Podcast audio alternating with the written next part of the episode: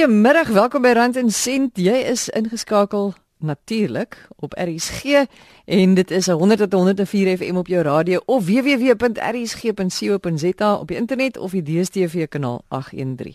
Heerlik om die nuwe jaar so met Rand en Sent by RSG te begin. En 'n baie mooi en goeie 2017 vir almal. Ek weet nou nie of ons as individue hierdie jaar iets sal kan doen aan die stand van ekonomie in die land en wêreldwyd nie. Maar ek weet ons kan iets doen aan ons ingesteldheid oor geld en hoe ons daarmee omgaan. En dit is dan nou wat ons vanmiddag 'n bietjie gaan bespreek. Ons gaan later in die program kyk na wat die ekonomie vir ons inhou vir 2017. Maar eers praat ons 'n bietjie oor ons verhouding met geld en dit wat ons ons kinders leer oor geld. Hoe gaan ons daarmee om? Hoekom voel ons meestal ons het nie genoeg nie? Hoekom kan ons dikwels nie daarmee werk nie? Uh hoekom waardeer ons dit baie keer nie as ons dit wel het nie? En dit is dan ook die goed wat ons ons kinders leer. Ehm um, want hulle tel natuurlik nou al ons gewoontes op. Nou moet 'n bietjie te help om koppe rondom geld reg te skuif want ek weet nie julle wat gereeld luister sal weet ek het vroeër hierdie jaar het ons ook hieroor gepraat oor kinders en of ja, die probleme wat mense het rondom geld en dit wat 'n mens dan nou jou kinders leer is hulle nou groot word en hulle dieselfde probleme. So ons gaan nou vanmiddag 'n bietjie weer hoor hoe ons 'n kop skuif kan maak en hoe ons ons kinders reg kan leer om met geld om te gaan. So ons gaan weer luister na 'n gesprek wat ek vroeër hierdie jaar gehad het met dokter Gustaf Gous. Hy is 'n leefstylafrigter en 'n skrywer en ek wou by hom weet wat ons probleem is dat ons 'n probleem met geld het. Die grootste ding van rondom geld wat die probleem is is jou mindset. Mense is in 'n kom ons noem dit nou maar 'n skaarsheid mentaliteit en in 'n amper seker 'n armoede mentaliteit. En ehm um, die kinders stel mense gesindheid op. Dit is die die een groot ding wat 'n kind by jou optel. Is as jy hierdie negatiewe gesindheid het van dat elke eh, donker wolk het 'n silwer randjie, dan sien jou kinders dit raak, maar as jy dink elke silwer randjie het 'n donker wolk, dan leer jou kinders ook daai gedagtepatrone aan. Nou dieselfde geld vir vir jou geldmentaliteit is daar 'n mentaliteit van nommer 1 dat waar dit vandaan kom is daar nog baie. Nommer 2, as jy dit het, moet jy dit goed bestuur. Nommer 3, ek mag dit hê, ek mag 'n geld selfbeeld hê. Daar's baie mense wat ek dink selfs nie net in 'n sielkundige mentaliteit nie, maar selfs 'n teologiese ding sit van o, jy mag nie geseën word nie en jy mag nie geld hê nie. So jou geld selfbeeld is dan ook 'n probleem. Die verdere probleem is wat mense het is jou G-mentaliteit en die G-mentaliteit is daar 'n krampagtigheid by ouers of is daar nie 'n krampagtigheid nie? Het jy 'n vrye hand of is jy jy kan baie keer vir 'n kind vra hoe is jou pa en ma met geld? Nie hy is so suinig soos weet nie wat nie. Of hierdie persoon het 'n G-hart en en omdat die persoon se hand oop is 'n hand wat toe is kan nie weer ontvang nie en dan ook die gewone kwessie van geld bestuur as jy 'n verkwister of as jy nie 'n verkwister nie. So dit is die een ding wat kinders baie gou-gou optel van sê o genade maas sien die kredietkaart limiet as 'n teken en nie as 'n limiet nie of die pa kan dit ook doen. So daar is hierdie hierdie verkwisters mentaliteit word hierdie ding um, goed bestuur. So hier is 'n klomp voorbeelde wat jy vir 'n kind stel wat jy ek dink ons besef nie dat jy in jou opvoeding moet jy ook vir jou kind 'n geldvoorbeeld stel. Nog 'n verdere ding is is dat die waarde van geld. Wat is die waarde wat jy aan 'n spesifieke ding koppel? Nou wat ek begin doen het is dat ek um, kontant baie keer gevat het. Ek het dit nou onlangs weer gedoen. Sit ek vir die kinders X aantal 100 rand voor my neer en sê ek hier is ietsie wat ek op die familie wil bestee. Ons kan nou almal saam gaan uit eet, dan is dit in een aand, dis 'n lekker sosiale aand. As dit weg, daar's ook 'n waarde aan sosiaal saam wees en lekker kuier. Maar jy kan dit ook aan 'n ander waarde koppel. En die oomblik as die kinders sien hoeveel kontant gaan in hierdie in hierdie ete in en hulle dink daai behoeftetjie wat hulle het om dalk nog 'n ding te kry kan dalk bietjie meer wees. So ek dink hier sit jy met 'n voorbeeld wat jy stel dat jy waarde um, uiteensit. Iemand het eendag so radikaal gedoen dat hy die persoon se hele salaris gevat het en vir die kinders waarde vir geld geleer het. Hulle gesê het right hierdie gaan in hierdie rigting, hierdie gaan in daai rigting. So as jy waarde vir geld het, dan moet jy daai pakkie moet jy in hierdie rigting sit en daai pakkie pakkie moet jy in daai rigting sit en dan skielik skrik die kinders as hulle as hulle sien wat dit werklik kos. Ek bedoel ek het nou die dag my kinders 'n lekker skok gegee het ek vir gesê het ons is nie privaat skool en sê dat dan sit jy kontant dan hier sê dis wat dit kos om jou 'n maand op daai op, op skool te hou. Ek dink dit het hulle nogal 'n bietjie laat besef maar ehm um, dis nie sommer net 'n van selfsprekendheid nie. Die laaste attitude wat ek nogal daarbey wil byvoeg is 'n attitude van dankbaarheid. Een van die grootste probleme is, kom ons noem dit nou maar, die skaarsheid mentaliteit. Is jy's in 'n mentaliteit wat Erik Fromm die sielkundige genoem het van hê doen wees. Ek het nie iets nie, ek wil iets hê. Nou wil ek moet ek hard werk om iets te doen en dan gaan ek nou ryk wees. Nou Meeste mense het eintlik nie eers daai roete nie. Hulle het net 'n roete van ek droom oor geld. Soos ou Lukas Marie gesing het, ek kan doen met 'n miljoen. Die probleem daarmee is die mense droom oor die eindpunt, maar hulle droom nie oor die proses nie. Nou, is daar mense wat geweldig slim is en hulle gaan woon finansiële seminare by en hulle besef daar's vier maniere hoe geld vir jou kan werk. Want ek moet nou iets doen, so ek moet nou werk vir geld. Maar dan sê ek met werk en dan moet jy nou 'n ekstra werk kry want jy dit nou nie, dan werk jy jou besimpeld en dan kry jy jou eerste 100 000 of jou eerste miljoen, maar dan kry jy ook jou hartaanval. Want jy werk jou nou besimpeld en dan dink jy nou as ek die geld het, gaan ek eendag gelukkig wees. Ek bedoel hoeveel families het ek nie in counselling nie wat die geld gemaak het en dan nou beklei daaroor sodat hulle nie hulle is op die ou ende nie gelukkig nie. So die eerste module is dat mense dink jy moet net werk vir geld. Wat ook belangrik is, jy moet werk vir geld, maar jy moenie net vasgehaak wees in die um, salaris hamsterwiel nie. Want onthou as jy as jy as jy 20 is, het jy maar 460 plus minus um, salaris checks oor en as jy 40 is 230 plus minus daarso. Vir almal vir wanneer jy aftree op 60 op 65. En ek dink die kern daarvan is dat jy jy moet besef maar ek moet geld inkry, maar hoekom is daar party mense wat minder verdien as ander maar wat ryker is as ander mense is? Want hulle gaan dan in 'n proses in van dat geld vir jou kan werk. En as geld vir jou kan werk, is daar vier maniere hoe geld vir jou kan werk. En dit is mense wat dan besef, maar ek gaan nie droom van ek kan doen met 'n miljoen of so iets nie. Almal van ons kan. Maar hulle fokus op die proses om dit te kry. So Gustav, wat is hierdie proses of dan nou die vier maniere waarop jou geld vir jou kan werk? Die vier maniere is is nommer 1 eiendom, nommer 2 intellektuele eiendom, nommer 3 besigheid en nommer 4 aandele. Nou eiendom is um, hier sit jy met 'n eiendom en jy kan hom verhuur. As jy 'n eiendom het wat jy wat jy verhuur terwyl jy hier luister of praat, dan is daar 'n huurinkomste wat dan maandeliks daaruit inkom. Nou baie mense dink is net die die voorreg van mense wat 'n huis of 'n tweede huis het, maar ek weet van mense wat 'n shack het wat dit onderverdeel. Ek weet van ou mense wat nie in 'n ouer huis intrek nie, maar hulle groot huis wat hulle gehad het, onderverdeel in drie families daar laat um, bly. En ek weet van mense wat op uh, internet webwerwe ingaan wat jy internasionaal kan 'n kamer in jou huis um, verhuur en so so inkomste verdien. So dit is 'n lekker passiewe inkomste. Met ander woorde, dis daai tipe inkomste wat jy opstel dat die geld in jou rekening inloop al lê jy op die strand.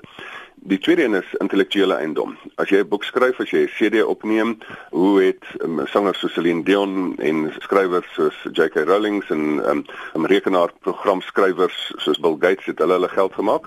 Hulle dink hierdie intellektuele eiendom ding uit en dan verkoop hulle dit. En dit is een van die onderskatte gedeeltes. Ek bied baie seminare daaraan en dis baie mense bied eiendomseminare aan, maar daar's baie min intellektuele eiendomseminare. Hoe vat jy 'n idee, verpak dit, kry dit op 'n manier wat jy dit kan verkoop en dan um, kry jy jou inkomste daaruit. Die derde een is dan gewone besigheid. Moet dan jy kry 'n stelsel.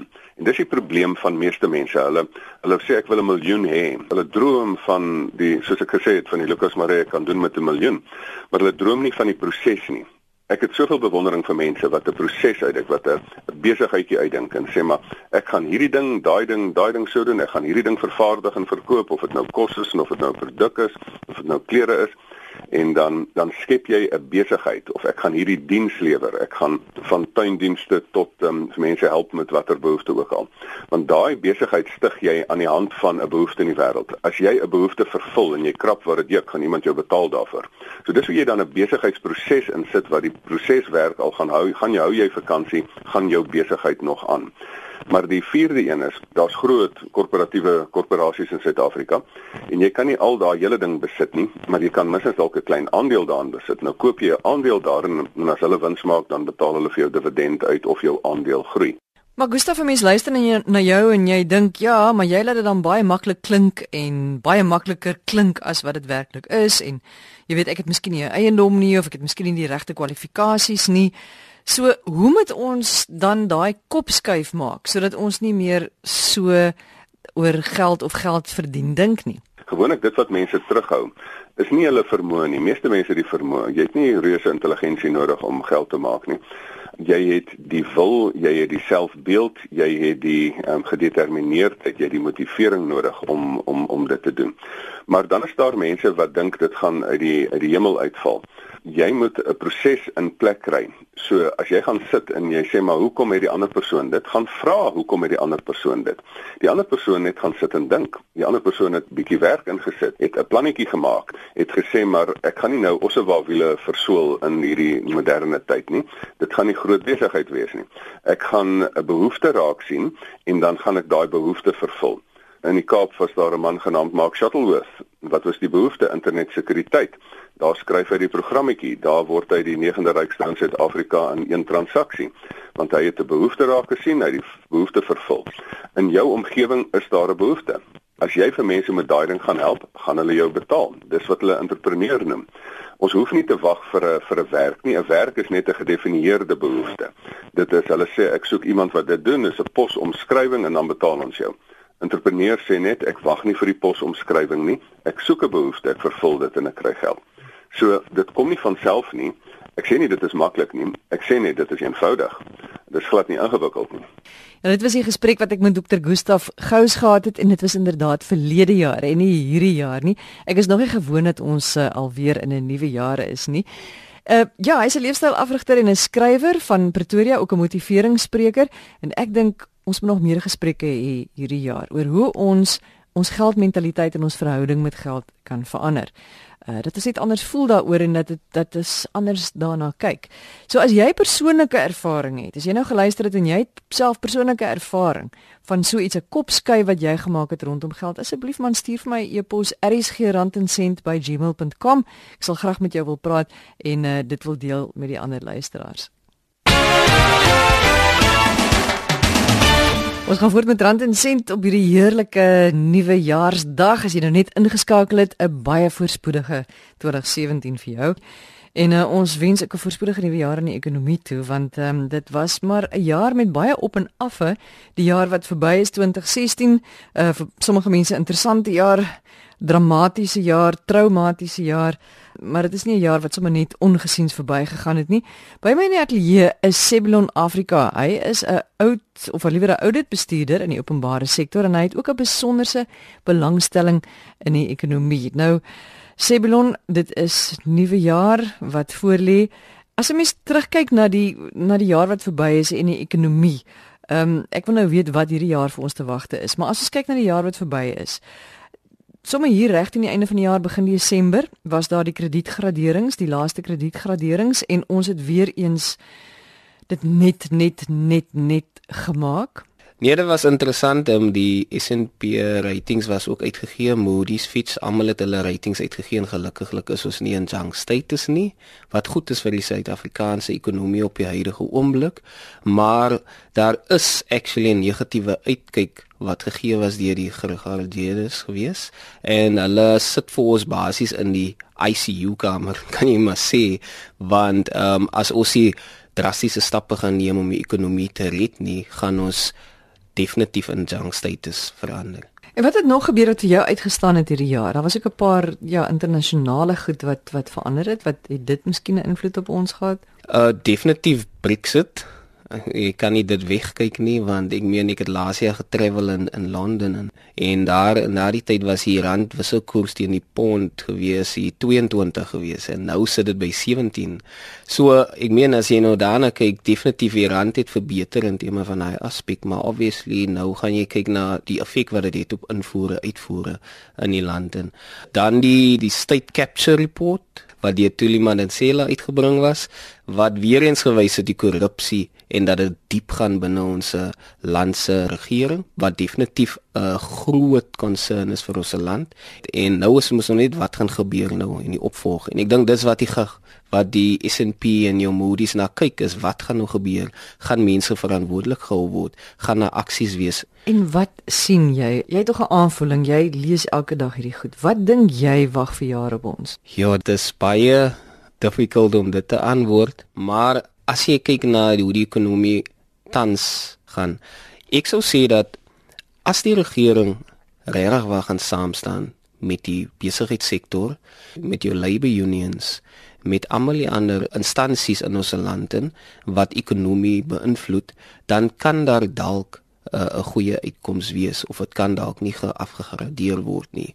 Maar ons sit in 'n land waar daar politieke onrus is elke liewe dag en dit affekteer baie dinge. En dan nie net net dit nie, daar's ook buitelandse ekonomiese nuus wat gebeur. Elke dag gebeur daar iets in die buiteland. Kyk nou onlangs in Amerika, laas jaar was Trump aangestel gewees as president was groot onverwags gewees. So hierdie dinge kan baie maklik gebeur. Dan weer eens dalk uh, die die fees mas voor wat laas jaar gekampanje was, dit kan definitief ook weer opkom en dit kan weer die ekonomie beïnvloed. 'n Leibestryk kan dalk weer kom. So daar's baie dinge wat kan gebeur. So die staat met die mense wat daar buitekant is en die en die ekonomie wat in die ekonomie gebeur, kan definitief ons land negatief beïnvloed. Maar as hulle wys hulle sit in Hulle doen wat hulle kon hulle hulle verbeter ons eh, GDP dan definitief sal ons goeie resultate sien. Jy het net verwys na na Donald Trump wat nou in Januarie amptelik ingehuldig gaan word as die Amerikaanse president. Invloed daarvan op ons? As jy mens nou kyk na die benadering van Donald Trump en as jy kyk oor die jare, hy's hy's 'n besigheidsmens en hy gaan gaan waar hy die grootste geld kan maak. En as jy mens nou kyk na jou onderhandelinge en wat wat deur lande gedoen word, dan definitief as jy mens nou kyk daarna, hoe gaan sy policies wees? Hulle Republicans, hoe gaan hulle policies wees in terme van onderhandelinge met Suid-Afrika? Gaan dit beter policies wees wat vir ons gaan bevoordeel of gaan dit vir Amerika meer bevoordeel? En dan die ander ding is ook Amerika kan dalk binnekort ook hulle se rentekoerse verhoog wat dan weer aantreklik uit die belegger is weer wat dalk hulle gelde onttrek uit Suid-Afrika en gaan investeer in Amerika en dan gaan nou se rand weer verswak. Wat gaan gebeur as daar nou weer 'n fees must fall situasie is? Ja, dis 'n groot. Ek meen die onkoste wat dit sal vir die land kos om 0% fees te vra vir en, enige student, dis groot, astronomies groot. En waar gaan jy die geld vanaf kry? Die geld vanaf gaan gekry word van jou belastingbetaler. So wat ek bedoel ons mense wat werk en belasting betaal jou tariewe gaan verhoog word. Jy gaan meer belasting betaal. Wat bedoel jou besteedbare inkomste neem af? Wat bedoel jy kan nou nie meer gaan inkopies doen soos jy wil nie. Jy kan ook nie meer daai kar gekoop het wat jy wil nie. Jy moet nou meer begin geld spandeer om jou skulde te betaal liewers. So jou geld in jou sak definitief gaan minder raak. Ander goed wat ons gaan beïnvloed hierdie jaar wat jy dink ons in gedagte moet hou? Ek dink is definitief die opvolg op die state capture report. Wat gaan gebeur daar in die nuwe uh, public protector wat uh, aksies gaan sy in plek stel? Dan ook wat gaan die ANC doen in terme van om hulle huis uit te sorteer? Van die land kyk definitief daarop en dit sal so gou as moontlik moet opgelos word. Hulle sal 'n goeie oplossing moet vind sodat daar stabiliteit kan plaasvind. Dan definitief um die state-owned enterprises, jy kan hulle nooit weggooi nie soos jou Eskom en jou Telkom en jou SAA Airways wat so baie geld uit ons land se koffers uitvat. Dit is definitief daar is en ek dink Provin Gordon hulle is baie besig nou om daarna te kyk en hoe om te sorg dat daar nie weer mishandeling van fondse plaasvind en dat die die die bestuur wat daar plaasvind by die jou SAA veral dat dit goed sal verloop sodat daar nie meer die rescue sal plaasvind waar die regering moet baie geld moet insit in hulle nie. Sibelon daar's nou 'n klomp ek kan presies negatiewe goed waarna ons nou gekyk het en baie mense is pessimisties gewees aan die einde van verlede jaar. Maar wat sou jy vir ons sê is daar 'n bietjie goeie nuus waarna ons kan uitsien hierdie jaar of iets wat ons miskien moet doen om dinge vir ons beter te maak? Ons almal is in beheer van jou eie lewe. Jy's in beheer van jou eie besluite. Jy is in beheer van jou geld wat jy spandeer elke dag. So wat ook al buite kan gebeur as jy positief in terme van jou begroting werk in die jare en jou geld reg investeer, sal jy daar's baie maniere wat 'n mens kan investeer, wat 'n mens kan opbrengste maak, daar's baie maniere wat jy hulp kan kry in terme van jou skulde. En as jy net 'n bietjie jou jou mindset change om net te sê in steede van 'n restaurant gaan gaan ek 'n bietjie piknik gaan hou is nog steeds lekker as 'n uitgaan is net baie meer koste-effektief so is net nou 'n ander denke begin kry om net anders te dink and change is good always. So ons moet nie dit vergeet nie. Ja, die ekonomie lyk soos wat dit lyk, maar ons is in beheer van ons eie lewe en ons eie ekonomie en ons eie huise. Sebelon baie dankie. Dis Sebelon Afrika hy's 'n auditbestuurder by die openbare of in die openbare sektor en hy het 'n besonderse belangstelling in die ekonomie. Nou, ek weet nie wat julle omstandighede is vir die jaar wat voorlê nie, Maar dit gaan waarskynlik 'n ekonomiese moeilike jaar wees. Miskien is dit juis goed wat gebeur sodat ons besef ons moet ons beleggings maak in ander goed, minder tasbare goed as bloot net finansiële beleggings. Maar ek wens almal alles van die heel beste toe. En stuur asseblief vir my 'n e e-pos rsg@gmail.com rsg@gmail.com en vertel vir my van jou situasie, lesse wat jy geleer het, planne wat jy beraam het om uh, die jaar wat voorlê vir jou 'n goeie ekonomiese jaar te maak. Volgende Sondag gesels ons verder en dan gaan ons ook onder meer met 'n of onder andere met 'n skuldberader gesels. Gaan ons kyk hoe kan ons ons skulde verminder? Wat is die verskil tussen goeie skuld en slegte skuld en hoe kan ons hierdie jaar ingaan sonder skuld of om ons skuld te verminder. Vir my Susan Stein, dankie vir die saamluister. Wonderlike jaar vir almal. Ons doen dit volgende Sondag weer. Totsiens.